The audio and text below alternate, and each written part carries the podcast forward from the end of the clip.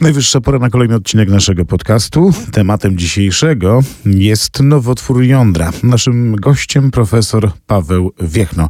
Dzień dobry Państwu, dzień dobry Panie redaktorze. Panie profesorze, czym jest rak jądra? Nowotwór złośliwy jądra, bo taka jest zresztą prawidłowa nazwa, to jest e, nowotwór, który najczęściej pojawia się właśnie e, w jądrze i jest to nowotwór złośliwy, czyli taki, który potrafi dać przerzuty odległe. Czy możemy podać jakieś przyczyny jego powstawania? No, to dość trudne pytanie, mhm. wcale nie takie, nie takie łatwe i trywialne, jakby się wydawało. Uważa się, że w okresie rozwoju, jeszcze w łonie matki, e, płód męski może być narażony na takie czynniki, które zaburzają rozwój, a to w późniejszym etapie, wtedy kiedy rusza cała burza hormonalna, może uruchomić proces nowotworowy. Kolejne krótkie, ale ważne pytanie: jakie objawy powinny nas zaniepokoić? Ja bardzo e, wszystkich e, panów zachęcam do e, badania własnego ciała. Nowotwór jądra mm, jest bardzo charakterystyczny. Jeżeli, jeżeli zbadamy jądro i stwierdzimy występowanie jakiegoś guzka albo stwardnienia jądra, to jest absolutny alarm dla nas. Powinniśmy natychmiast zgłosić się z takim problemem do lekarza. Ważne jest e, to, że jest to nowotwór przede wszystkim młodych mężczyzn, bo najczęściej chorobę nowotworową e, kojarzymy ze starzeniem się. Nie, tak nie jest. W przypadku nowotworu, nowotworu jądra mm, chorują mężczyźni 20-30-letni. To są szczyty zachorowań e, na tę chorobę nowotworową. Krótko mówiąc, jeżeli cokolwiek zauważymy, że jest nieprawidłowo z jądrami, udajmy się do lekarza pierwszego kontaktu, który powinien skierować do urologa. To jest choroba szybka. My e, wiemy o tym, że to jest choroba, w której powinniśmy działać szybko i stanowczo. Urolog na pewno będzie wiedział, co dalej zrobić. Czyli jeśli dobrze rozumiem, to ta grupa młodszych mężczyzn jest w grupie ryzyka.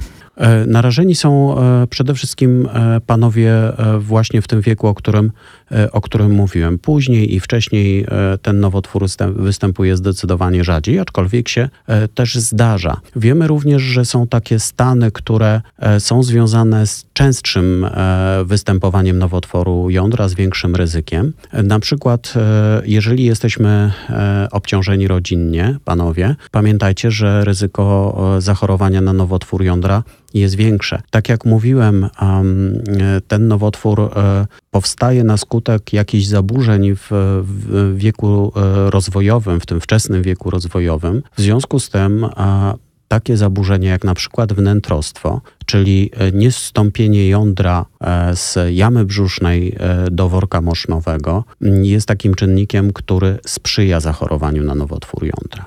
Czy możemy w jakiś sposób uchronić się przed rakiem jądra? Jakie są pana profesora zalecenia? Nie, no czegoś takiego e, niestety e, nie ma. Nie ma takiej profilaktyki, że e, na przykład rzucamy palenie i wtedy, wtedy mm, nie zachorujemy e, na nowotwór jądra. To, co jest najistotniejsze, to taka własna czujność, e, czujność onkologiczna można powiedzieć, dlatego że nowotwór jądra jest nowotworem niezwykłym w onkologii. Jest to nowotwór, który się bardzo dobrze leczy. Mm, leczy się nawet wtedy, kiedy jest e, bardzo zaawansowany, mm, kiedy są już przerzuty odległe, ale jest podstawowe ale. Im wcześniej, e, tym nasze wyniki leczenia i szanse pacjenta na długie życie po nowotworze są większe, co mm, również istotne.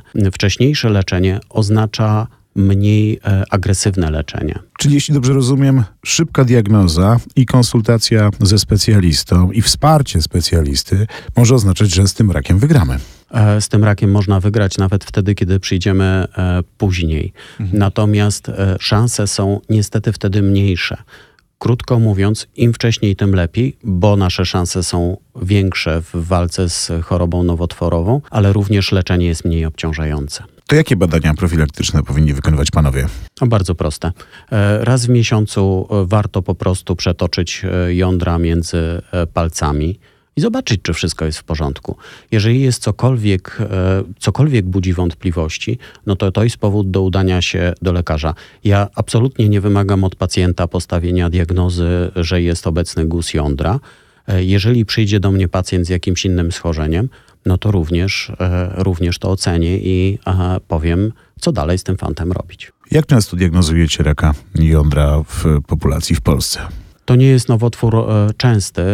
Należy się liczyć w Polsce z około tysiącem przypadków rocznie, około, bo to się zmienia. Natomiast między 20 a 30 rokiem życia jest to najczęstszy nowotwór lity u mężczyzn. To przejdźmy jeszcze do jednej ważnej kwestii, którą pan profesor się zajmuje, rak prostaty.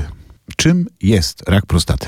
Rak prostaty, zacznijmy od tego, nie jest e, przerostem e, gruczołu krokowego. To są dwa zupełnie, e, mhm. zupełnie inne stany chorobowe. Rak prostaty, w przeciwieństwie od nowotworu jądra, dotyczy mężczyzn starzejących się. No a wiemy, że nasza populacja, zresztą jak populacje w krajach wysoko rozwiniętych na całym świecie, starzeją się. W związku z tym możemy się spodziewać coraz liczniejszych przypadków raka prostaty. No i teraz ten nowotwór jest najczęstszym nowotworem, najczęściej wykrywanym nowotworem e, złośliwym w populacji męskiej.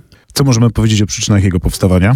Tutaj e, te przyczyny wydają się być związane przede wszystkim ze starzeniem się organizmu. E, mówi się o tym, że e, pewna nierównowaga hormonalna może sprzyjać wystąpieniu raka, raka gruczołu krokowego.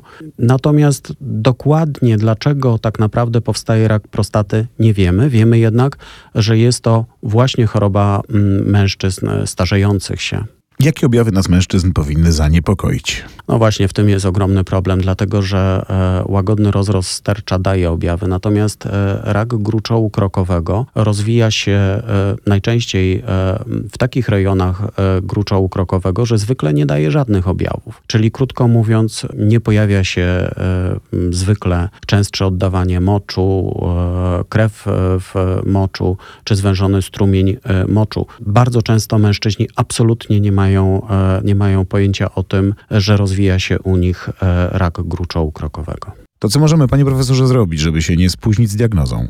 Przede wszystkim powinniśmy się zaprzyjaźnić z urologiem. Panowie e, około pięćdziesiątki powinni odwiedzić e, specjalistę urologa. Mamy e, szeroko dostępne badanie, to jest oznaczenie takiego białka wydzielanego przez zdrowy gruczoł krokowy, ale również w dużych ilościach przez tkankę nowotworową. To, się, to białko się nazywa PSA, potrafimy je oznaczyć. Natomiast no, kwestia takiego szerokiego screeningu populacyjnego, czyli badania przesiewowego z, mm, z wykorzystaniem PSA budzi ogromne wątpliwości. To nie jest wcale takie proste. To jest e, rzecz do przedyskutowania ze specjalistą, czy decydujemy się na aktywne poszukiwanie raka gruczołu krokowego i z czym e, to się wiąże. Jednocześnie chciałbym e, tutaj zaznaczyć, że absolutnie stwierdzenie podwyższonego stężenia PSA nie jest jednoznaczne z wykryciem nowotworu, ale z drugiej strony również stwierdzenie niższych wartości PSA nie wyklucza,